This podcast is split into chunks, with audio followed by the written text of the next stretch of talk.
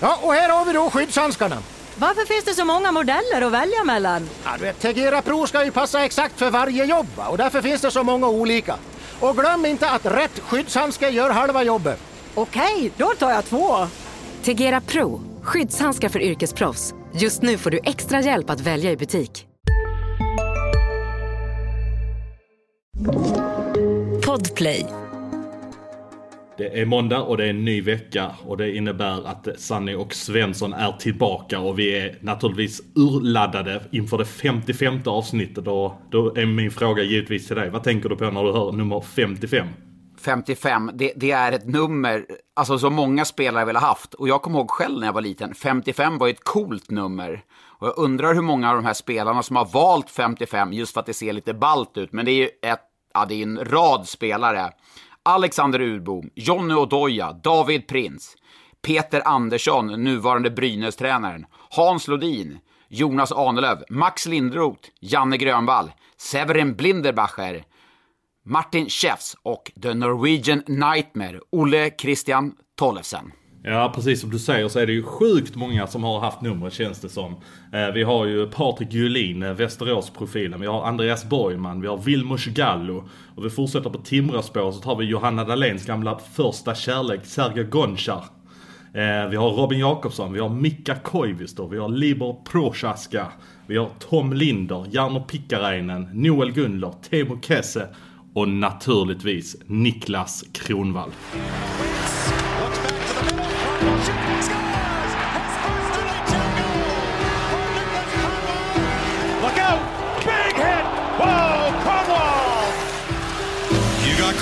As the crowd is chanting now.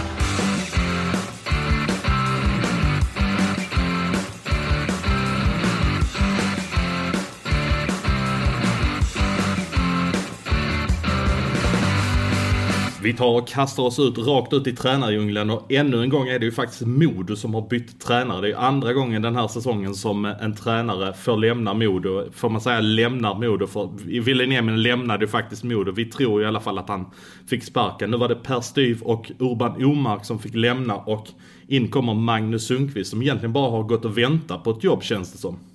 Ja, och eh, om vi börjar där med Per Styv och Omark då. då eh, jag måste säga att jag lider väldigt mycket mer om framförallt Per Styv. Han hade väl aldrig någon ambition att vara head coach, utan han fick det uppdraget i stort sett kastat i sin famn. Eh, att det inte har funkat, eh, det har vi ju varit inne på, det har vi alla sett, att de inte har funnit något, något kanske spel, en spelidé på det sättet som spelarna trott på, eller eh, det har varit rörigt. Men då får Per Styv sparken. Alltså det, han blir inte nedflyttad som assisterande, han är ju en prestigelös person så då man tar bort väldigt mycket Modohjärtar om jag säger så i Omark och Styv. Eh, får man se i nästa säsong om de kanske plockar tillbaka en sån som Styv, men det blir också ganska känsligt. Så att jag blev förvånad, inte att man kanske eh, skaffade en ny huvudtränare, men jag blev förvånad att man kickade både Omark och Styv. Men någonstans om man ska göra ytterligare en tränarförändring, då kan, de kan ju inte hänga med ytterligare en gång. Utan då, då måste de ju ryka, om man nu bestämmer sig för att göra sig av med en tränare, känns det som. Eller om man nu bestämmer sig för att ta in en ny tränare. Men både och. Alltså i SHL, där det är en helt annan verksamhet, alltså en helt annan ekonomisk rullning. Där, kan, där tycker jag är inne på till exempel, om vi då tar Bert Robertson, han skulle kanske ha plockat med sig sitt team till Linköping, som han fått jobba med, som backar upp honom. Eh, eh Hockeyallsvenskan går inte att göra samma sak, för du har ju inte en ekonomi att kunna värva in till exempel tre tränare. Då måste du ha någonstans ett hjärta och Per Styv har ett hjärta för Modo. Och han har varit väldigt uppskattad i sin tidigare roll som assisterande tränare till Björn Hellkvist, till exempel eh, Hans Särkijärvi tidigare också. Han är lojal mot den som står framför honom. Han har nog aldrig stuckit en kniv i någon för att sätta sig själv i en bättre position. Så jag, jag blev förvånad och lite ledsen i ögat när han fick sparken faktiskt. Eh, eh, ska man kanske jämföra med en sån som Larry Pilot i Tingsryd. Han hakar ju på som assisterande tränare år efter år oavsett vem det är egentligen som står bredvid. Han var till och med uppe som huvudtränare när man bestämde sig för att kicka. Jag tror det var när Sundqvist just fick kicken. Att man flyttade upp eh, Pilot där och sen när det kom in en annan så fick Pilot helt enkelt kliva tillbaka till sin roll som assisterande tränare. Han är väl jag, jag ska inte svära på det, men det känns ju som att han är tills vidare anställd i Tingsryd i alla fall. Men det är väl det man ska ha den rollen där man är, gör sig bäst. Och kanske att Per Styv då i det här fallet gör sig bäst som en assisterande tränare.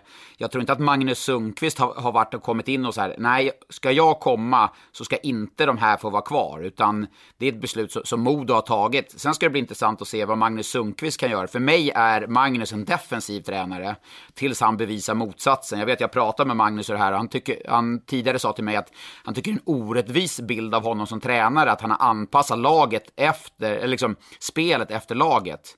Men tills han Men det säger han ju själv också när jag pratar med honom att, han, att man ska ibland kunna anpassa sitt, eh, sitt spel efter motståndet. Ja, och det, det, är väl, det är väl absolut jättebra, men tills han har bevisat att han kan föra ett, ett spel, att han kan driva ett lag, driva ett spel, så är, här, är han en defensiv tränare för mig. Och det är väl inget negativt i sig, men det är ingen långsiktig lösning för Modo tror jag, för att Modo har väl ändå valt, eller tidigare valde en väg som man nu har eh, vacklat från många gånger. Men under Björn Hellkvists ledning så skulle man liksom spinna vidare lite på det som han hade arbetat in där. Så att eh, det är en tränare som hade man tagit honom inför säsongen så hade jag ju bara, ah, va? Vad håller de på med? Det, det går ju helt emot vad, vad, hur man har jobbat. Men i det här läget, eh, när man kanske framförallt ska undvika ett kval, så är det väl bra att ta in Magnus.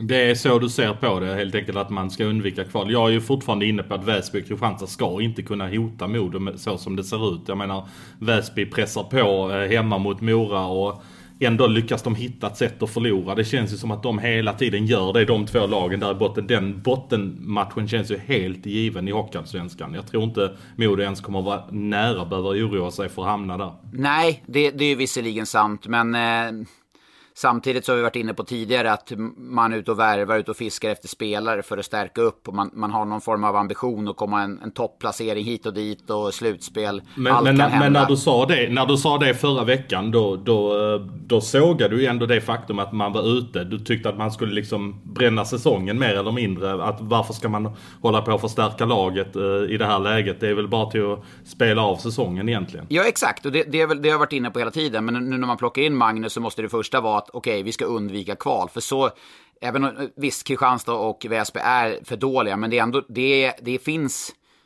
Det finns i praktiken ett hot bakifrån som man måste respektera. Men inte så mycket res respekt att man måste värva ett helt nytt lag. Nu har det uppenbarligen inte funkat då, då med Per Styv och Omark, eller Styv som huvudtränare.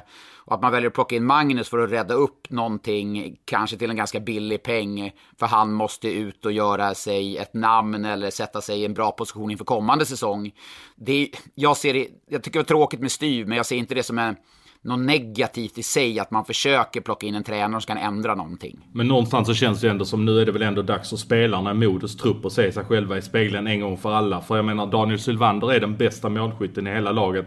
Okej att Patrik Karlqvist har kommit in och gjort det bra när han har kommit in. Men jag menar det finns ju hur många spelare som helst som behöver se sig i spegeln efter sin prestation den här säsongen. Jag menar man hade större förväntningar på sånt som Sebbe Olsson när han kom från Timrå. Den här Mikael Ågård har ju inte varit speciellt bra. Filip Svenningsson har ju inte alls levererat som man förväntade sig när de plockade in honom. Så det är ju jättemånga spelare som verkligen behöver se sig själva i spegeln. Så är det ju. Det är ju ingen spelare, skulle jag vilja gå så långt, eh, som har varit speciellt bra. Jag tycker Johan Harju visserligen har varit bra sen han kom in, men även importspelarna har inte varit... Nej, men det, det är klart att är det rörigt i toppen så sprider sig skiten eh, längre ner också. Så att det, det är kanske inte optimala förutsättningar, men helt klart att man ska prestera bättre med det laget. Nu kanske det låter som att jag eh, tycker illa om Daniel Sylvander. Han har ju trots allt gjort 15 mål och det målar ju verkligen inte upp. Så det får man ju ge Sylvander att han i alla fall har levererat de målen han ska. Så är det ju, men samtidigt som du vänder på ditt svaghetstecken att han ska vara bästa målskytt. Han har ju sina styrkor alltså, som en hårt arbetande spelare. Jättekul att han gör mål, men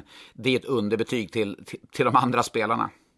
Ja, Modo har ju verkligen inte varit sig likt den här säsongen och det har ju inte varit likt någonting sedan Björn Hellkvist lämnade klubben här i våras. Eh, Man har inte fått ordning alls på det. Björn Hellkvist gör istället succé i Leksand det här och eh, ja, de går ju fortfarande för topp 6 och det brann ju till rejält för Björn Hellkvist här under helgen när han gjorde en intervju med Johan Edlund. Eh, vad säger du om första perioden, Björn? Jag tycker vi är ute på jävligt tunn is i svensk hockey. Vi godkänner att man tar bort målskyttar, stjärnspelare, dyra importer som gör det för jävla bra. Vad tänker du på eh, tacklingen Jag tycker inte det är okej någonstans att man kör över Peter Cehlarik när han inte har pucken. Han är ute förmodligen länge. Här har du Det är ingen bra skada. Jag behöver inte se den. Jag har sett den så många gånger redan. Skiter i vad den visar. Det är inte okej. Då får det vara öga för öga, tand för tand. Vill vi ha hit Gun så fighters. Inte fan vet jag. Ska vi inte ha hit den typen av hockey, då får vi döma matchstraff på de situationerna. Eh, kan du se någon förklaring till att det blir en växelbyte mellan Zachrisson och Cehlárik och Joel Lundqvist tror att Cehlárik har pucken? Jag skiter i vad han tror. Det är följden jag är ute efter. Det är inte okej. Men ingen Cehlárik mer ikväll och Nej. på obestämd tid? Alltså, Okej, tack det är Björn. så jävla dåligt. Alltså. Ja, alltså vi satt ju i stu studion eh, och alltså jag varit chockad är väl ett starkt ord, men jag varit så här. Jag, jag kallade in på kontrollrummet. Jag måste se den situationen igen, måste se den situationen igen. För vi hade kollat på den situationen i, när den hände och spola fram och tillbaka. Och under första periodpausen, vi pratade ingenting om den. Det var, ing, det var en som hade nämnt till min notiser på Twitter att eh, den här är lite tveksam. Det var en person som hade nämnt det efter Björn Hellkvist då gick ut det här, det bara smattra till och alla tyckte den var hur ful som helst. Alltså ingen som uppenbarligen hade sett den innan eller tyckt någonting om den innan, de tyckte den var svinful för att deras tränare tyckte det, i det här fallet Leksands supportrar. De var väldigt påverkade, så det det vart ju så här, nej, det här måste vi plocka, ut, plocka upp, för det, han, det är ju jäkligt hårda ord, liksom, är det så här vi ska ha det i svensk hockey, öga för öga, tand för tand, liksom. Det, det blir ju rätt hårda ord och då måste ju vi plocka upp den bollen liksom. Det, vi ska säga för de som inte har sett situationen, det är inte alla som följer Leksand och Frölunda. Situationen är ju att Patrik Zackrisson har pucken och det ser ut som att han ska lägga en passning till Peter Cehlárik. Och det tror ju Joel Lundqvist. Joel Lundqvist blir ju så att säga grundlurad av Patrik Zackrisson för att han tror att Zackrisson ska lägga den till Cehlárik och då blir ju Cehlárik i så fall tacklingsbar för Joel Lundqvist. Men eftersom Cehlárik aldrig äger pucken så är han ju inte tacklingsbar när Joel träffar honom. Exakt, och därför är det en interference. Bedöms den då som att den är vårdslös till exempel så skulle det rendera ett matchstraff. Det här är ju mer en situation han åker in i honom. Sen blir ju konsekvensen att han är skadad. Den blir ju, det blir ju jättetråkigt, men det är liksom inget uppsåt från Joel för att skada eller märka en spelare. Men det tar ju hus i fullkomligt helvete när, den här när, när Hellqvist gör det här. Vilket jag tycker det är jättetråkigt. På ett sätt, jag förstår Björn Hellkvist. Han har varit inne i omklädningsrummet, han har sett Peter Cehlárik, sin ja, topp tre, topp fyra bästa spelare, eh, ha ont, kanske risk för att vara borta ett tag, vi vet ännu inte hur allvarligt det är. Jag förstår att han är känslomässigt påverkad och kommer ut i intervjun. Men för oss i studion, det är vårt, då blir det vårt förbannade ansvar att ta upp det. Vi kan ju liksom inte nonchalera den, för vi pratade ju ingenting om den i första periodpausen. Ingenting. Men det, i andra periodpausen så måste vi prata om det. Vi måste prata om det efter matchen. Och alla måste liksom få svara upp på det här. Det är liksom... Det blir ju Lasse Granqvist som är en journalist. Det blir hans journalistiska uppdrag. Det låter lite högtravande, men Lasse är ju en journalist. Det blir hans ansvar, för folk måste få svara upp på det som faktiskt Björn Hellkvist säger. Eh, så det vart ju ett storm i ett litet vattenglas som jag kände kom från absolut ingenstans. Hur mycket fick du Joel bestämmer i svensk hockey-kommentarer ish? Ja, väldigt mycket. Och hur, hur feg man är som inte vågar kritisera Joel för att man ska göra ditten och datten med Joel på sommaren och hit och dit. Man vill vara polare med dem och dem. Och så här är det. Jag skiter fullständigt vem det är som får smällen eller ger smällen. Eh, jag ville bara tänka resonemanget om det hade varit eh, Nils Åman, all respekt för Nils Åman som hade fått den smällen, så tror inte jag att Björn Hellkvist hade gått ut på det sättet och vart svinförbannad. Det var, liksom, det var för att det var Peter Slajt, det var för att det var hans bästa spelare. Det var då han reagerade som han gjorde. Det är min känsla. Ja, men när vi har uppe den här grejen, det spelades ju faktiskt en jäkligt bra hockeymatch mellan Leksand och Frölunda också. Och Kalle, som heter Klasse91, har ju ställt en fråga till, jag tror den är lite riktad till dig. Igår spelades ju Leksand och Frölunda säsongens mest sevärda match, men Simor glömde nog matchen för det enda de pratade om var en utvisning. Eh, sen eh, skriver vloggar Wikegård och Sanny Lindström om hur tröttsamt det är att prata tacklingar och domaren och avstängningar när de själva och deras kollegor driver och uppmärksammar händelser som är så tröttsamma. Hellkvist lurade upp er på läktaren. Ja, eh, om det var hans intention och, eh, och, och, och få, få, rikta fokus mot Joel eller den här situationen. Absolut var det så. Men det, det, hade vi bara nonchalerat den eller inte ens diskuterat eller pratat om den, då hade det blivit jättekonstigt. Så att det, var, det var jättetråkigt att behöva göra det. Jag var sjukt less i studion och det, det tror jag alla som såg den studion att jag gav tydligt uttryck för. För att jag, det var en fruktansvärt bra match. Det var en skitbra match, men det var vi mycket tydliga med att säga också. Vi pratade väldigt mycket om matchen. Men intervjuerna med Rönnberg, med Joel, med domaren, det är klart att det blev fokus på den här situationen. För att alla, alla måste få svar. Och jag tyckte det var väldigt bra när domaren också svarade att det här är en tvåminutersutvisning för interferens. Punkt! Ja, om det var hett där så får man ändå säga att det var ganska hett i Umeå också när eh, de två stora lagen i Hockeyallsvenskan, även om Björklöven nu ligger trea, eh, när de drabbade samman med eh, superlaget Timrå och faktiskt vann båda matcherna här under fredagen och lördagen. Jag såg i alla fall den första matchen och Ja, det är för härligt att se sådana som Alexander Wiklund kliva fram, Freddan Andersson, sådana som var ganska tongivande för Björklöven förra säsongen. Freddan har ju varit skadad mycket den här säsongen men när det när det brinner till med sådana matcher, då är sådana gubbar där och det känns ju ändå som att nu har Björklöven vunnit tre av fyra mot Timrå. Timrå är ju inte helt bekväma kanske med att gå in i ett slutspel med den statsen mot Björklöven tror jag i alla fall. Definitivt inte. Det är ett mardröms, skulle jag ändå vilja säga, för Timrå. Det har det varit historiskt sett också. Eh, så att eh, jag vill fortfarande säga, kommer Björklöven till final, om de gör det så skulle jag hålla dem som favoriter mot Timrå.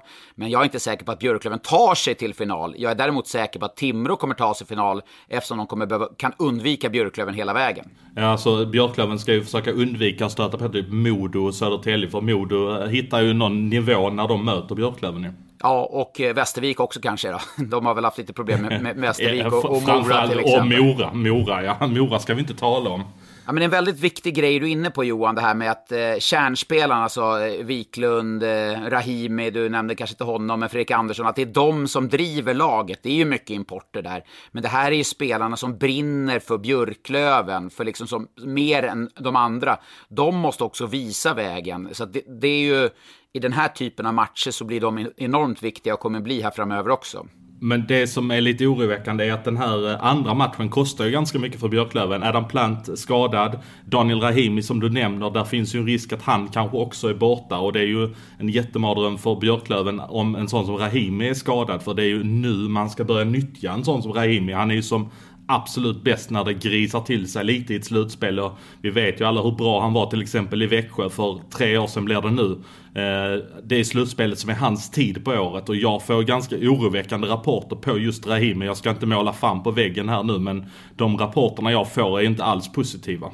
Nej, och Plant åkte på en riktigt ful smäll. Palmqvist åkte på också en armbågstackling där. Den, framförallt den som Valli Walterholm gör där, tyck, den, är ju, den är ju grisigt ful. Det är precis sådana tacklingar som vi vill komma bort ifrån från svensk hockey. Så att när vi spelar in det här så har inte den, det straffet kommit. Det lär ju komma till början under veckan här. Så att det, det kommer nog vara bortåt 5-7 matcher på den Valli Walterholm gör. Den är inte alls snygg.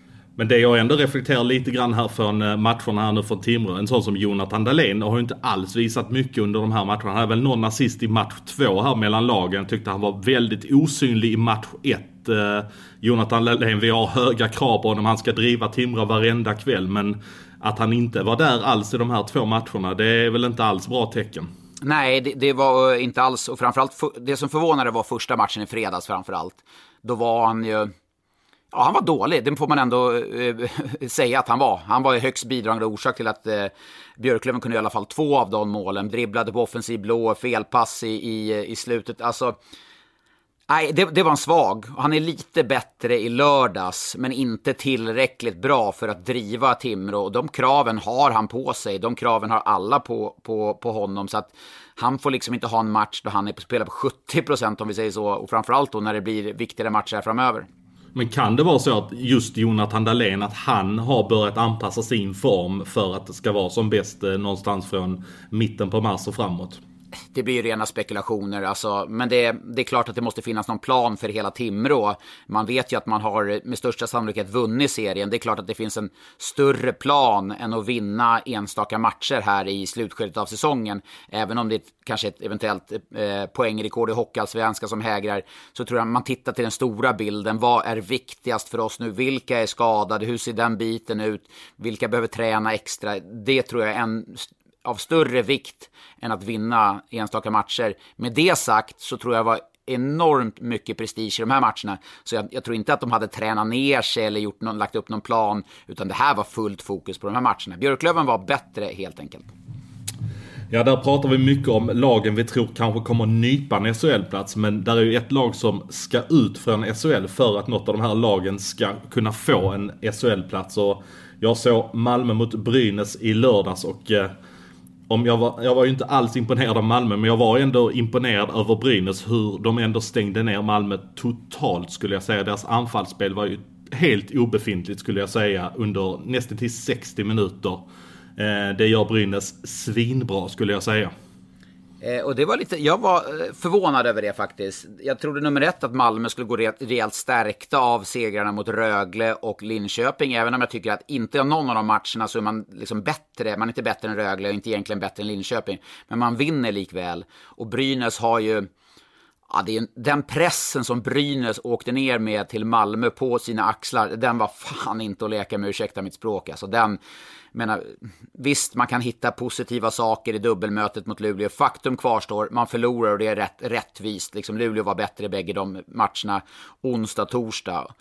Åker ner och vinna, det är sjukt starkt faktiskt. Och jag vet inte, det är ingen tal om någon vändning. De har ju, när den här podden släpps så spelar de ju nu kväll här mot HV71 och på torsdag mot Malmö igen. Så det är liksom, det är näsan ovanför vattenytan hela tiden nu i stort sett. Brynäs och Malmö ligger på 41 poäng längst ner i botten. Det får vi också mycket frågor, ser jag ändå lite återkommande här då och då. att är det egentligen en fördel att man har de där matcherna i handen men ändå har pressen på sig att man behöver vinna någon av de här matcherna för att ta sig uppåt?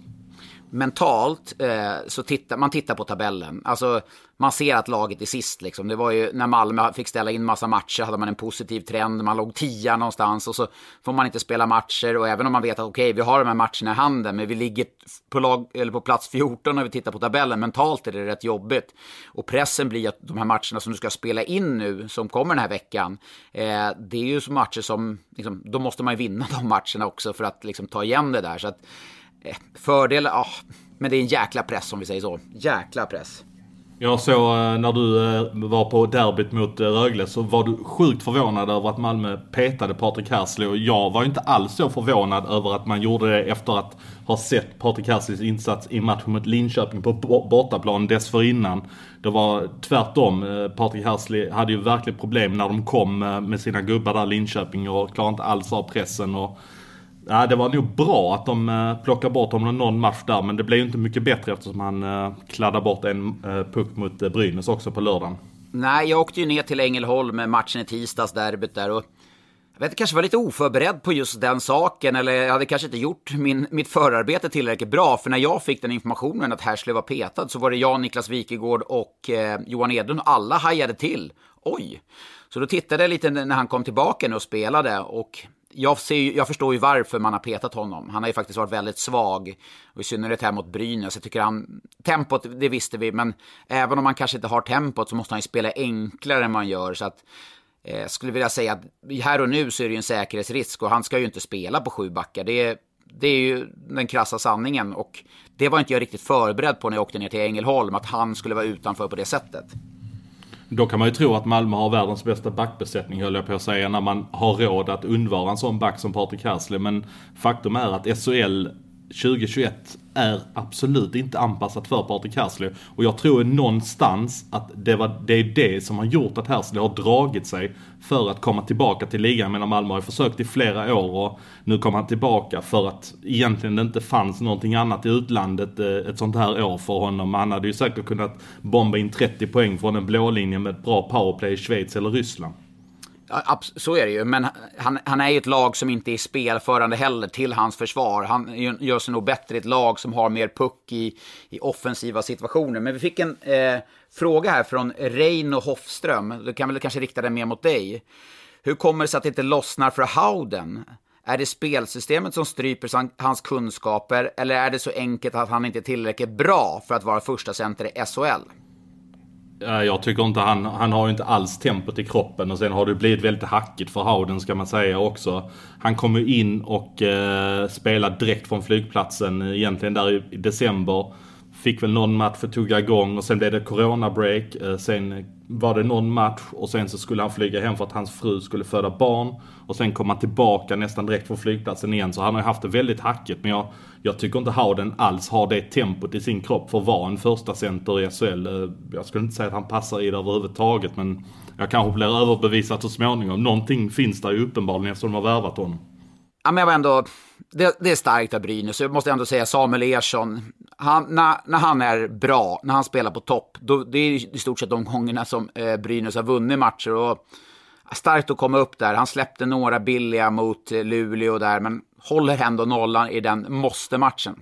Ja men verkligen. Och, men Brynäs, eh, nu har det ändå blivit lite av en målvaktskris i Brynäs eftersom man har valt att egentligen avpolitera Viktor Andrén helt och hållet. När man har skickat ner honom till Almtuna för att eh, spela allsvensk hockey. Då visar det ju att det finns ju exakt noll och inget förtroende för en sån som Andrén. Och eh, vad jag hör så är det ju en jättemålvaktsjakt i Brynäs. Att de är ju i desperat jakt efter att hitta en målvakt här som kan eh, backa upp Ersson eller kanske till och med konkurrera med honom i bästa fall. Ja, och det, det, måste man ha. För jag menar, eh, det kommer vara en kamp hela vägen in på mållinjen för dem. Och det är ohållbart att Ersson ska stå varje match. Liksom, och, och skulle han bli skadad eh, nu när man har liksom, satt eh, Andrén i den frysboxen som han har gjort. Eh, svårt att plocka, plocka in honom då också. Så det är klart att Brynäs behöver och kommer värva en målvakt. Men vad jag hör också just på målvaktssidan så är det sjukt svårt att hitta målvakter nu. Det är, det är ju från att ha gått från klubbarnas marknad så är det ju återigen spelarnas marknad. För det finns inte många namn där ute, det ska man faktiskt ha klart för sig. Och det gäller inte bara målvakter, det gäller ju spelare överlag vad jag hör att, eh, att det återigen har liksom ska, ska man ha kvalitet så kommer man få betala rätt rejält som det känns nu. Men en spelare som inte kommer att spela i Brynäs nästa säsong, det är ju Josef Ingman. Han spelar exakt ingenting i bortamatchen mot Malmö och har ju verkligen hamnat utanför laget. Peter Andersson väljer att gå med sex backar. Men du, jag snackade lite med Josef Ingman här eh, i lördags. Eh, vi tar och lyssnar på vad han hade att säga. Äh, så länge laget vinner så är jag nöjd. Äh, så att det, spelar ingen roll om jag spelar en minut eller en sekund eller ingenting. Så länge de vinner så är jag nöjd. Ja, det, det är så man tänker även, alltså jag menar du har din egen karriär så att säga. Ja, det är klart att, att jag har mitt men eh, det är ju lagsport så att oavsett eh, vad jag kanske känner privat och så vidare, det, det spelar ingen roll för eh, det är min familj det här liksom oavsett. Så att så länge vi vinner så är jag nöjd. Hur viktig var den här segern? Ja, det var sjukt viktigt. Eh, liksom det har gått kanske lite knackigare. Vi gjorde ändå en bra match förra matchen tycker jag. Eh, och nu, nu fick vi liksom sätta alla delar idag, både försvar och anfall och då, eh, då blir det väldigt bra. Så vi, jag tycker vi stänger ner dem väldigt bra idag. Så att, eh, det var en väldigt viktig seger tror jag. Hur ser du på fortsatta säsongen för er? Eh, nej, men jag tror att eh, fortsätter vi som vi gör idag och, och liksom ha tålamod och, och verkligen vad ska man säga, ge 100% varje match och göra allt för varandra där ute så kommer det gå vägen. Sen har det lite knackigt dit kanske men det viktiga i det hela det är att, att eh, som idag så hittar vi sättet som vi vill spela på eh, och, liksom fortsätter vi att spela som idag så är det inga problem alls. Hur ser du på din tid här i Brynäs? Du är inne på din andra säsong. Du inledde ju svinbra förra säsongen. Det pratades ju om landslagsspel. Du kom in som en riktig komet i ligan. Sen så har det dippat lite och så nu har det gått lite fram och tillbaka här också. Så blev du bänkad hela den här matchen. Hur, hur ser du på eh, din situation i klubben? Alltså det är ju klart att det aldrig är roligt att spela. Eh, och eh, självklart så vill jag ju spela. Jag vill ju utvecklas liksom. Och, och eh, sen måste man ju hitta en lösning på det. Sen om, om det är liksom en utlåning eller hur, eh, hur man väljer att göra det på bästa sätt. Det är ju någonting eh, Brynäs och jag måste komma överens om liksom. Eh, men eh, jag kommer aldrig eh, sitta och tjura över att jag inte får spela. Då, då tränar jag bara hårdare istället. Eh, men eh, självklart så vill jag ju spela och jag vill utvecklas och då måste man hitta en lösning på det. Hur går dialogen med tränarna? Eh, ja, eh, det är väl att just nu så, så platsar jag inte på, på sex backar och, och det är inte jag som bestämmer det utan det, det är de. Hur ser du på framtiden efter säsongen? Du har ett utgående kontrakt. Eh, det får framtiden utvisa. Eh, förhoppningsvis så, så blir det någonting eh, bra för mig personligen och, och, det är väl det som är det viktiga. Ja, för jag har hört lite surr om att du kan vara aktuell för någonting annat till nästa säsong. Vad säger du om det? Jag säger bara att det får framtiden utvisa. Ja, för jag hör att Djurgården är ditt kommande klubbval. Ja du, det är väl många som håller på att spekulera kanske, men jag har faktiskt ingen, ingenting som jag vet kring det, men, men det får nog framtiden utvisa kanske. Så det är en spekulation utan grund från mig då menar du? Eh, vad du har för grunder det vet jag inte, men spekulation skulle jag nog säga är 100% är. Ja okej, okay. det brukar låta så så här års ju. Ja, jag, jag ser ju på ditt leende också. eh, mitt leende säger bara att spekulationer är ganska roliga. Ja, vad säger du om Djurgården som klubb? Eh, Djurgården som klubb, eh, eh, de går lite knackigt just nu. Eh, de, eh, Sju raka torsk? Ja. Du har koll på dem i alla fall? Eh, ja, det är väl inte så svårt att inte ha koll på. När vi torskade en massa där, då stod det i tidningarna och nu står det i tidningarna om Djurgården också. Så att, eh, något, något mer koll än så har jag inte kan jag säga. Men, eh, men det går ju lite knackigt för dem kanske. Om vi knyter tillbaka till Brynäs då, pratar du någon framtid med dem? Eh, eh, jag har en ganska bra dialog med Sundlöv hela tiden. Eh, jag gillar Sundlöv, vi har en, en öppen dialog hela tiden. jag gillar ärlighet så att vi, har, vi har pratat om det mesta och och vi fortsätter att ha en bra dialog. Så det är bara bra.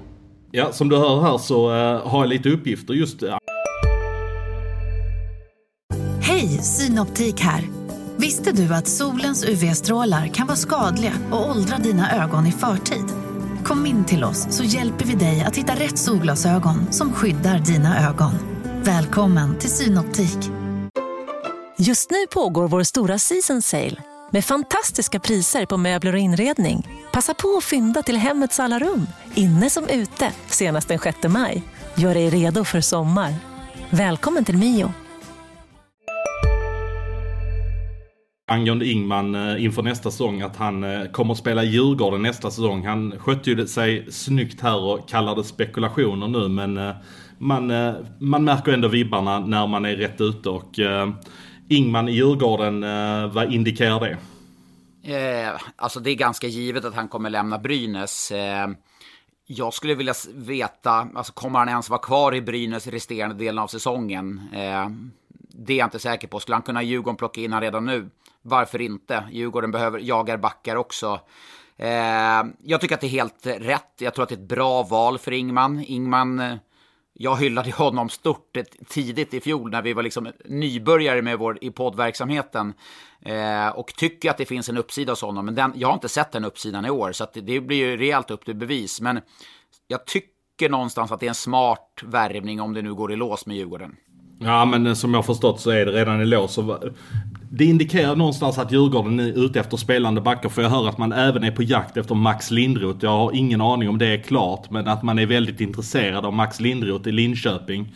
Eh, som också är en spelande back. Eh, det tycker jag att det indikerar. Tänk att man kan ha en backsida till exempel med eh, Tobias Ekberg, Tom Nilsson, eh, Marcus Högström, Simon Johansson, Max Lindroth, Josef Ingman och så har man Brännstam och Hedström där som en 7-8. Kanske gå in med en backbesättning någonstans där. Det känns ju lite budget över det men jag menar Marcus Högström och Tom Nilsson kan ju vara spelare som man måste trycka på på lönen och sen kan det bli så att man kanske inte har råd att behålla en sån som Jesper Pettersson som ändå har gjort det bra i år.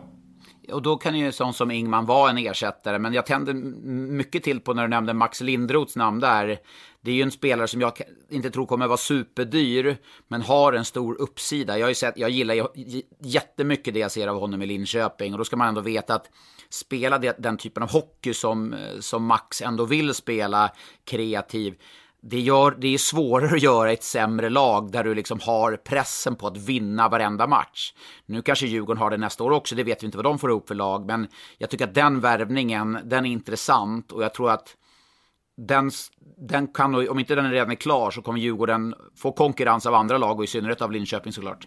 Ja, men verkligen. Max Lindroth är ju en jättespännande spelare som, eh, som verkligen har visat framfötterna på, i alla fall emellanåt i Linköping tycker jag att eh, han har fått stort förtroende och fått spela powerplay så att det är superspännande back inför framtiden. Men du lägger ut den här snitt Eh, poängtabellen efter varje match, hur mycket lagen respektive lag måste ta för att undvika kval. Och nu har jag noterat att Djurgården är med i den kalkylen också. Eh, jag vet att supporten har varit orolig, men jag har väl suttit där, till viss del du också, sagt det är lugnt, det är lugnt, men fan. det är nog inte så lugnt nu. Nej, alltså det, de närmar ju sig ändå lagen där bakom. Jag menar, det är ju ett par segrar för till exempel Linköping och HV och Oskarshamn då som har bland de sämsta snitten. Och så är man ju helt plötsligt där. Jag menar, nu ska de möta Malmö här på tisdag på Hovet och skulle det då mot förmodan, Malmö vinner ju aldrig på Hovet. Så att det är väl dags för Djurgården att vända den där trenden nu eh, med hemmamatcherna. Men skulle det nu vara så att de torskar den matchen också så tror jag att man omstartar serien sen med HV borta. Och Alltså det går rätt fort att bli inblandad i det där och man känner en stress att nu behöver vi vinna tre av de nio som är kvar och så ser man ett schema så har man kanske Luleå borta och eh, Färjestad borta och allting. Shit, kan vi verkligen vinna de där? Och hemma vinner de inte längre så att det kan ju lätt stressas upp för dem om de förlorar någon match till här.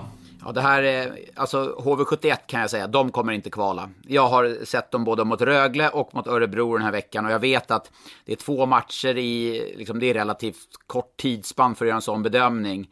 Men ändå gjort de värvningar man har gjort här under den gångna veckan och framförallt då få in Ilomäki. Du har alltså en kedja med Vedin, Ilomäki, Önerud. Du har en Fröberg, Sandberg, Bergström som funkar jättebra. Du har ett powerplay som är lysande. Du har Matt Donovan som har kommit in och är bättre än vad han var i Frölunda skulle jag vilja säga. Riktigt bra. Eh, ja, HV71 är för bra för att behöva kvala. Det, de kommer få fart. Det är ett lag som Eh, jag fick, jag fick frågan här från både Christer Storm och eh, från Erik Berglund på Twitter. Och de frågade just om HV, om de tar en åttondelsplats eller play-in. Helt jag tvivlar inte en sekund på det. De, de kommer att göra det. De är för, de, det laget de matchar nu, det är för bra för att ens eh, behöva kvala eller dras in i den. Det är jag helt säker på. Men då är frågan, är det då en Lillis effekt eller är det de nya spelarna effekt eller är det båda delarna? Jag tror det, det, det är någon kombination av allting. Jag tror Lillis har kommit in, som vi varit inne på tidigare, med ett väldigt lugn. Samtidigt som man som, som förening får in, liksom, har ekonomin och plocka in den här typen av spelare. Eh, det är klart att det, det ger ju en helt annan konkurrenssituation. Jag menar, du får in Arto Ilomäki, plockar in från Luleå, vilket är, jag hajade till. Jag, jag, var liksom, jag fick en pushnotis på det från, från Expressen där och tänkte, Ilomäki till HV71, ja men det är väl nästa säsong. Och så, nej men jag var tvungen att kolla två, tre gånger redan nu. Alltså det, för mig är Ilomäki en underpresterande spelare i Luleå, som kanske inte har liksom underkastat sig systemet, kanske inte har varit ja, men den, mest, bäst, den bästa spelaren i ett omklädningsrum för Luleå har heller. Att han kommer ja, men Jag har hört att han har varit, eh, fuskat lite på träningarna och sånt i olika spelövningar och sånt. Att de till slut blev lite less på honom. Ja, och, och det är väl kanske inte bra, någon bra CV att komma med till, till ett annat lag. Eh, men att man kommer in här och, och, kan plocka in honom i den här delen av säsongen och, och, få en spelare som kan SHL. Han har uppenbarligen spelat en hel säsong här och kommer in och bidrar med, med superspets. Jag menar, Ilomäki, han är en bättre spelare än vad jag har sett i Luleå. Så att, och det, det tycker jag jag har sett nu de här två matcherna i HV71. Men det som blir intressant är när de nu släppte Ilomäki och det kändes ju som att Luleå ändå skulle värva någonting redan innan de, eh, innan de gjorde det. Så att eh, det känns ju som att de sitter på en liten kassa här. De gick ju knappast något minus i den där affären. Då nyttjar man ju det faktum att HV71 var lite desperata när de tog in Ilomäki och uh, frigör ganska mycket pengar. För jag menar Ilomäki signade dem inför 2019-2020. Och då eh, fick de ändå betala marknadsmässig lön för en toppspelare från finska ligan. Så det är ju mycket pengar som Luleå frigör i det här läget. Och eh, jag tror att de sitter på en ganska stark kassa. Men det jag hör också är att de vill ju verkligen ha en spelare som har varit igång den här säsongen. Det är en verklig prioritet för den sportsliga ledningen. Ja, och det, det, det, förstår jag ju. Nu har det gått så pass långt och man har ju inte Ryan Stoa-tid att få igång en spelare. Så det, det förstår jag att man, man måste söka den typen av spelare. Och det är frågan var man kan hitta det i AHL om man kan hitta spelare i AHL som har varit igång i andra ligor tidigare. Och kanske kan hamna lite snett då i farmaligan eller söker något annat nu när lönesituationen ser ut som den gör. Så att, men Luleå, jag menar, som det ser ut och det läget man är i så måste man ju, om man har då frigjort pengar så, så de har ju chans att vinna guld i år. Jag menar, såg de mot Rögle, det är en jättejämn match, det är en riktig toppmatch där i lördags. Det är klart att Luleå kan vinna guld. Man får, kommer få tillbaka Petter Emanuelsson, men man måste få in ytterligare en spelare. Det är helt, om man ska kunna liksom vara med där framåt 15 maj. Ja, för man har ändå visat här sista matcherna att eh, nu har man mött Skellefteå och Rögle, sådana lag som är i toppen med dem. Att man inte riktigt har dragit det längsta strået mot de lagen där. Man behöver ju känna att man kan slå de lagen också här nu i, i slutspurten av serien. Ja, och eh, Bulan då, tränaren i Luleå, fick ju frågan efter matchen där. Det tre förluster här, eller fyra raka förluster. Nej, en förlust och tre oavgjorda var ju han tydlig med att liksom, eh, är det slutspel då är det inte tre mot tre eller straffar. Och det har han ju helt rätt i, men det är också ett sätt att se på det. Men det är klart att vi har pratat om Luleå jättemycket och de har ju topplagsbeteende, även om man har varit tidigare i en svacka, tycker jag man har studsat upp den här veck gångna veckan. Och ska bli intressant att se dem och får de in ytterligare en spelare, precis som vi pratar om Skellefteå, får de in ytterligare en spelare, de kommer förmodligen vara med och hugga på samma typ av spelare. Så att det var det jag var inne på tidigare. Det är, det är ju inte klubbarnas marknad i det här läget, utan det är ju spelarnas marknad. De få spelare som har varit igång, de få spelare av kvalitet, kommer ju kunna casha in nu när klubbar behöver förstärkning.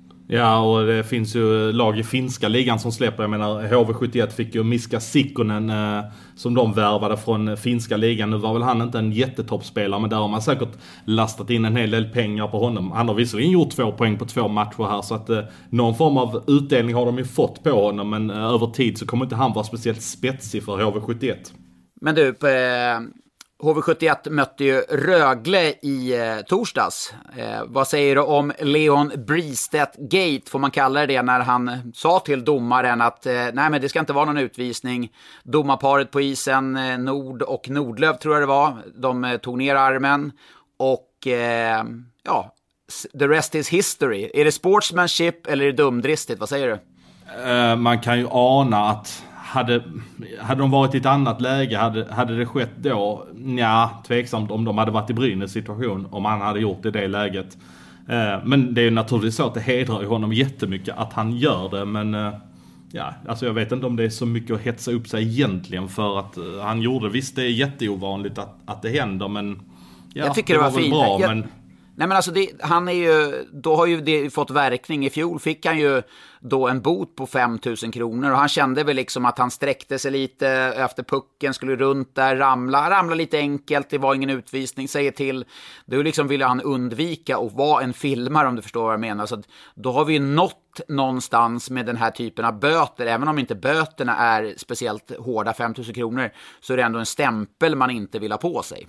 Ja, det håller jag med om. Men det jag kan tycka när jag ser situationen är att det är ju en utvisning. Det, det är just det det är. Det är, just det, det är exakt det det är. Det är en tripping. Men eh, samtidigt tycker jag, alltså i det här läget, eh, det går ju att diskutera domarna. Ska de då eh, ta utvisning eller ska de eh, behålla den här visningen de har på armen eller ta bort den.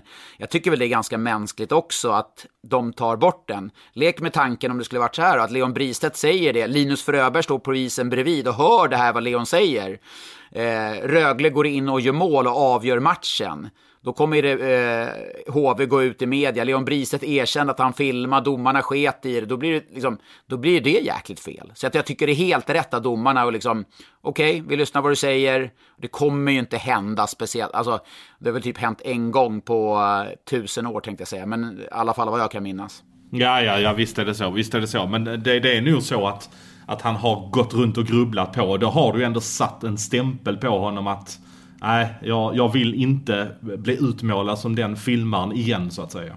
Nej, den, den sved nog eh, väldigt mycket på honom. Eh, jag träffade för övrigt Leon i onsdags då efter derbyt och gjorde ett reportage med honom just om det här svårigheterna att komma tillbaka från covid där och, och sjukdomen. Det var väl rätt, fan vad läskigt alltså. Hur dåligt han har mått liksom och hur kraftlös, orkeslös. Nej, det var rätt, jag var väldigt påverkad och kände shit, har, är det så tufft då för i det här fallet elitidrottsman som Bristedt? Jag vet att det är folk som dör av Jag vet allt det där, men när det blir liksom nära en elitidrottsman, fulltränad, har liksom inga problem sedan tidigare. När han berättar om de svårigheter man har haft så är det verkligen, oj, jäklar. Men vad kul att han är tillbaka då får vi i alla fall konstatera. Ja, och han hamnade i hetluften i alla fall. Nu, nu har vi pratat om Leon Bristedt, men han kanske får prata om hans färdigheter på isen. Han behöver ju några matcher till för att komma i form, men han är inte riktigt i slag än så länge. Någonting som var uppe på situationsrummet och disciplinnämndens bord den här veckan var ju ett slagsmål som ägde rum i Oskarshamn när Adam Janosik och eh, Andreas Wingerli eh, drabbade samman precis i slutskedet av matchen. Eh, där ehm, um, Wingerli får en crosschecking i ryggen av Janosik där han så att säga vill markera för att han tycker Wingerli är framme lite grann vid uh, Joe Canetta vid en avblåsning. Och då uh, går ju topplocket för Wingerli som uh, reagerar för att han får den crosscheckingen i ryggslutet som jag uppfattar det. Det gör säkert svinont att få den smällen där och då drabbar de samman och Janosik är ju inte alls svår att gå en liten rond med Wingerli där och där tycker jag i alla fall att Wingerli blir väldigt hårt straffad i efterhand att han ska behöva vara avstängd i två matcher för att han reagerar när han får den fula smällen. Ja, du svingade ju på sociala medier mer än vad Wingel gjorde kan jag säga under söndagen. Du tyckte du var, där, du var ju riktigt ilsken på det där. Ja, ja nej, men jag tycker det är för dåligt att, uh, att, uh, att, han, uh, att han ska behöva straffas för det. Visst, jag är fullt medveten om att vi inte ska ha uh, slagsmål i svensk hockey. Det är väldigt tydligt, men någonstans tycker jag ändå man ska få lov att reagera när man får en sån smäll. Och jag tror inte hans intention var att han skulle dra igång ett jättekur med med Adam Janosik och eh, att han skulle droppa handskarna och börja tokveva direkt så fort eh, Wingerli ville markera tillbaka. Jag tror att eh, Wingerli förväntar sig att det kanske skulle bli lite gruff där och så var det bra så att de skulle få kanske kyla av sig med två minuter och då resten av matchen så att säga. Ja, men alltså det är ju så eh, att när man slåss på det sättet så står det tydligt i regelboken att, att det är ett eh, match penalty, alltså automatiskt avstängning. Och i det här fallet så eh, jag kan ju tycka att, men, åk och duscha mer ungefär och Janosic skulle kunna få en match då, för att han ändå slänger handskarna. Men okej, som regelverket ser ut nu så tycker jag då, eller så, då hade jag förväntat mig att Wingel skulle få en match. Och Janosic kanske två matcher, men att båda fick två matcher, det var jag så här bara, what? Var, det kändes väldigt bara slött man tittar på en situation lite snabbt och så gör man samma bedömning. För du måste ju se grader i helvetet att eh, det är en som är mycket, mycket mer aktiv och faktiskt slänger vantarna också. Ja, alltså jag menar Wingerli får ju mer eller mindre storstryk av honom när han dessutom har fått den där smällen i ryggen som han egentligen bara reagerat på. Jag tycker det är dåligt. Jag tycker inte han skulle fått ett match penalty överhuvudtaget för utan man måste väl ändå få lov att reagera på det där. Och det här rör det upp eh, känslor på sociala medier. Jag tänker på den här personen som vi pratade om i fjol, som heter eh, SOL på, på Twitter. Det, han, det är ju för roligt. Han måste ju undra vad det är som händer. Han har alltså 171 000 följare. En av hans följare är för övrigt Barack Obama, vilket det är ju någon person då, den här SHL-personen. Men folk taggade då in SHL och inte SHL-SC som är då deras eh, Twitterkonto. Han måste ju bara öppna upp när, när han vaknar upp på söndag bara what happened with the, liksom, vet, han, det, jag tycker det är lika roligt varje gång. Han måste ju undra vad det är som händer. jag tänkte, Undrar om han har sett en SHL-match, vad tror du? Nej, jag vet. Nej, jag, jag, har svårt att... Nej, det har jag svårt att se. Jag vet inte riktigt. Men eh, känns ju ändå som en liten hotshot. Bara att Barack Obama följer honom betyder ju att han är någon form. Han har en, han har en eh, blå plupp också som är ett verifierat konto. Men det, det, ja, det är fruktansvärt roligt. Han, när han taggar in på hans notiser. Tänk om han har en sån här som plingar till också. Han är i en annan tidszon också. Han kanske ligger och knoppar på natten någonstans. Och eh, det bara plingar till då från alla möjliga arga Skellefteå-supportrar eller Leksands eller vad det nu är. Men har vi inte ett uppdrag för typ en korre för Expressen borta i Nordamerika att leta rätt på den här SHL-snubben ja. och ta reda på vem är detta egentligen? Verkligen, vem, vem är du? Och berätta hur, är, hur styrs ditt liv efter tisdagar, torsdagar och lördagsövergångar? Hur får du anpassa ditt liv?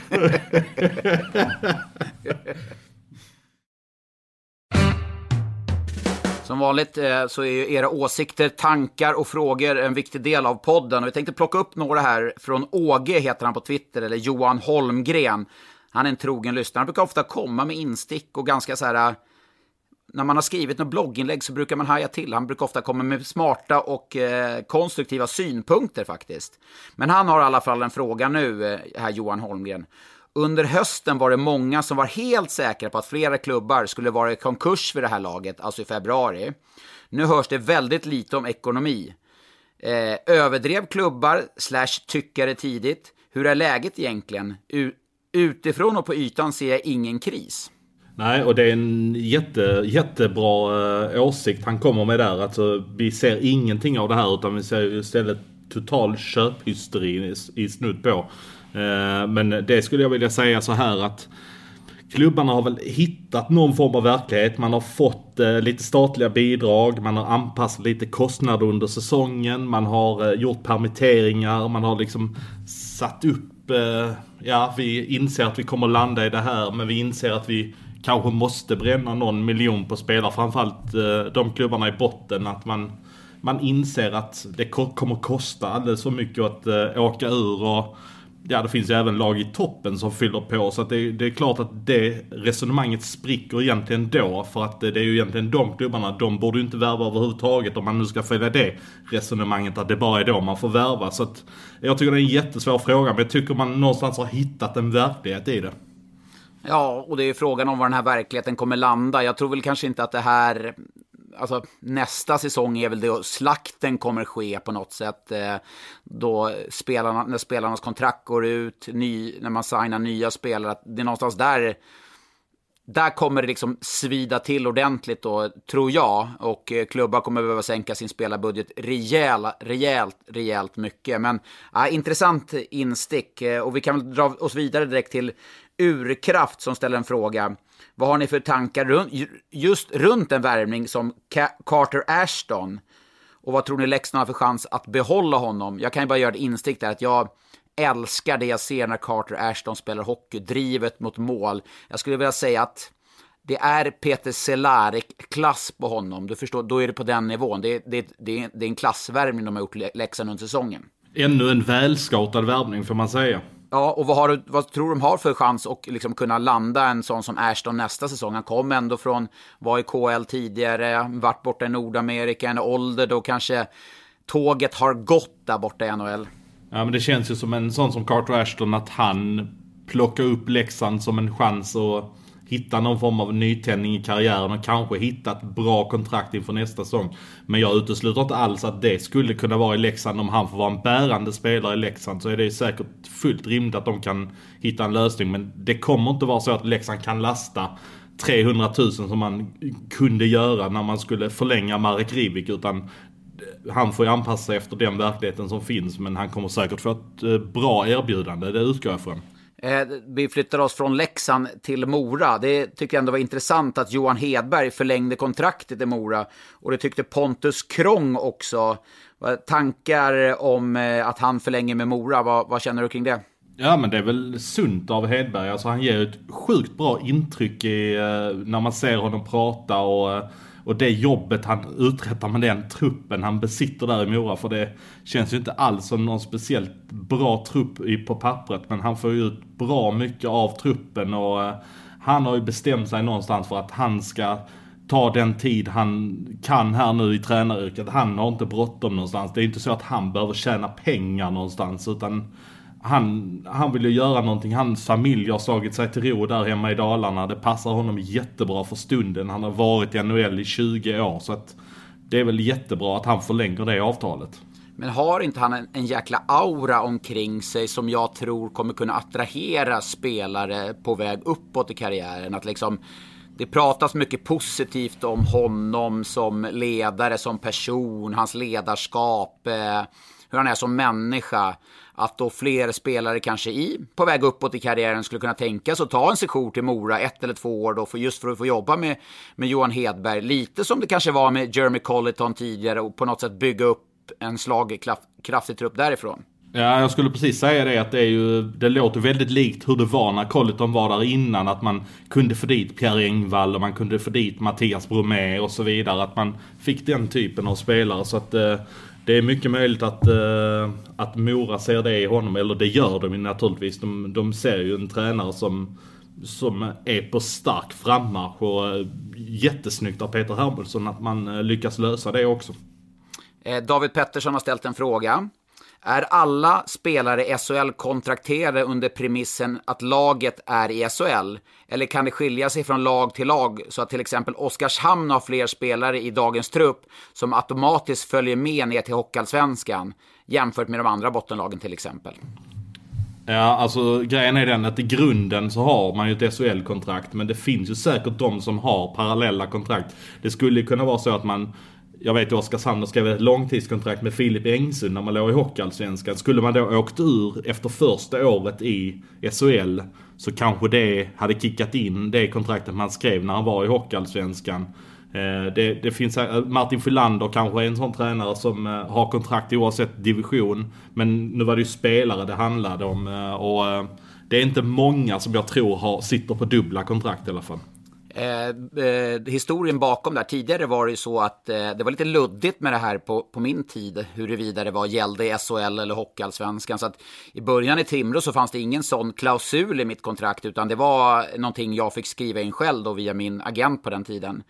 Men i samband med att Djurgården åkte ut så var det väldigt, väldigt massa liv. Då var det Marcus Nilsson som hade ett kontrakt där han hävdade att jag har ett kontrakt som gäller Hockeyallsvenskan. Vilket Djurgården absolut inte kunde bära runt. Och det vart en väldig dispyt som senare mynnade ut i att han lämnade för Modo som sen vart HV71. Och du kanske minns när han tog sig tillbaka till Djurgården. Då vart det liksom en rättslig tvist där de här supporterna var helt galna. Men det Marcus Nilsson gjorde, det var jättebra för alla spelare. Han fick ta en sjuk smäll visserligen, Marcus Nilsson där i Djurgården. Men det betydde att han striktade upp alla SHL-kontrakt så att det finns ett standardavtal i den skrivelsen att de gäller i Hockeyallsvenskan eller gäller i SHL. Så att det, det är väldigt tydligt numera. Ja men det kontraktet man skriver det står väl till och med arbets, eh, SHL arbetsavtal eller någonting i den stilen på de här kontrakten när man skriver på dem. Så det är ett SHL-kontrakt du skriver på. Precis, och det är ju, ligger ju i klubbarnas intresse också. Jag menar, skriver, eh, har du en spelare 120 000 i SHL så har du aldrig, eller sällan ska jag säga, råd att dra runt i Hockeyallsvenskan med tanke på de ekonomiska skillnaderna. Men sen är det ju så att skulle till exempel Malmö åka ur och Anton Olsson eh, har ju skrivit ett kontrakt för nästa säsong. Det finns ju en ganska stor chans att, att han blir kvar för att spela allsvensk hockey. En stor roll, eller någonting i den stilen. Det är klart att där finns ju spelare som kommer att stanna, men det är inte givet på något sätt utan det blir någon form av omförhandling i de lägena. Från ett kontrakt, ett standardkontrakt till en tävling. Och då har jag till dig frågan Johan. Du, du blåste ju brallorna av mig senast, vilket fick min kollega Harald Lyckner att skratta som aldrig förr. Håna mig dessutom, så att nu har jag dragit upp en riktigt tuff tävling till dig. Men då ska du få välja först här. Lag, spelare eller årtal. Jag vet att du är duktig på spelare så jag, jag, jag ger mig in i din djungel lite grann här nu då. Så jag testar en spelare. Spelare. Okej. Okay. På fem poäng. Denna poängstarka spelare har gjort 32 poäng på 39 matcher den här säsongen. Hans tidigare personbästa i poäng i SHL var på 22 poäng, vilket var i fjol. Han har tidigare vunnit SM-guld, men inte i den klubb han spelar i just nu. Ja, herregud. 32 poäng. Vem kan ha gjort 32 poäng i år och vem har gjort 32 poäng i...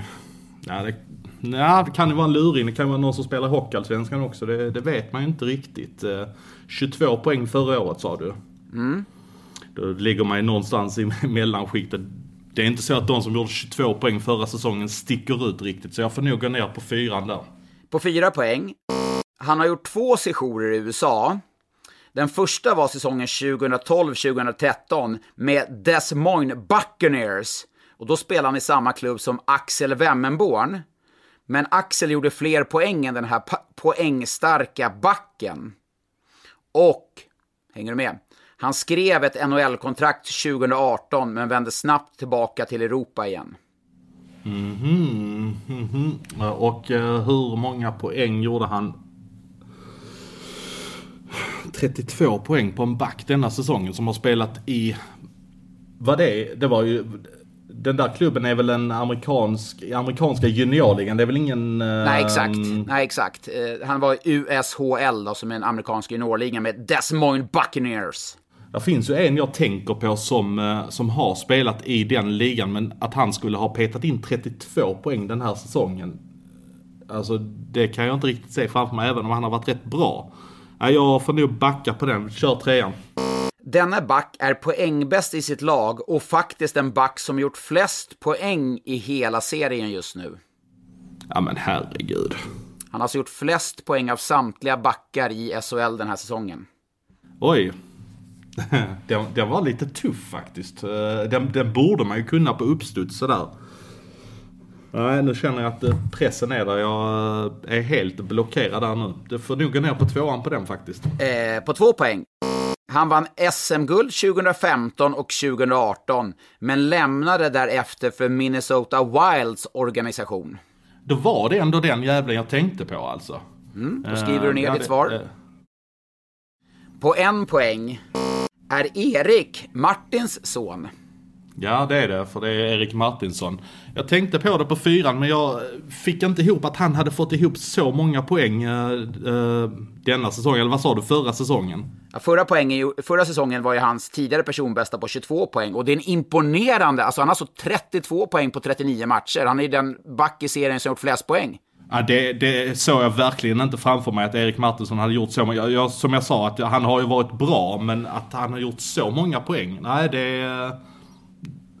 Det har han verkligen gjort i skymundan, måste jag säga. Nej, precis. För jag satt och kollade lite statistik här i, i, ehm, i söndags och så satt jag och tittade och så backarnas... Men hajade jag till. Erik Martin, han leder backarnas poäng. Det, det är ingen som pratar med Erik Martinsson. Visserligen, nu, nu spelar han HV71 som haft det tufft. Mycket fokus har hamnat där. Han har varit inne på mycket baklängesmål. Men faktum kvarstår, han leder backarnas poängliga. Det är ingen som nämner det. Nej, det är imponerande på, på ett sätt. Men eh, det säger ju som sagt väldigt mycket att krisen i HV sväljer mycket uppmärksamhet. Ja, men eh, två poäng, det var, ja, det var en missräkning ändå, Svensson. Eh, du, hur ser veckan ut här? Vad, vad har du framför dig? Eh, väntar eh, ångestmatcher för Malmö på Hovet och eh, Brynäs. Eh, så att det blir en eh, tripp ut eh, till eh, norra Sverige. Så att det ska bli spännande att se de två matcherna. Du, ska du träffa hotelldirektören?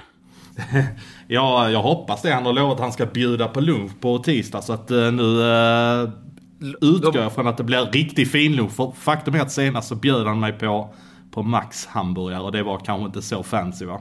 Men lägg ut en bild. Jag vill se den där löjromssemlan, den berömda. Den, ja, den ser ju så smaskig ut. Jag vill ha en bild på det. Ja, vi löser det. Vi löser det. Ja, fram till att Svensson har ätit löjromssemla med hotelldirektören på Clarion Sign så ja, får väl jag kriga på här hemma i Karlstad tills vidare. Eh, men du, eh, vi hörs igen om en vecka och kul att ni är med och lyssnar vecka efter vecka. Det är, ja, det är grymt kul att göra det här. Vi hörs! Hej!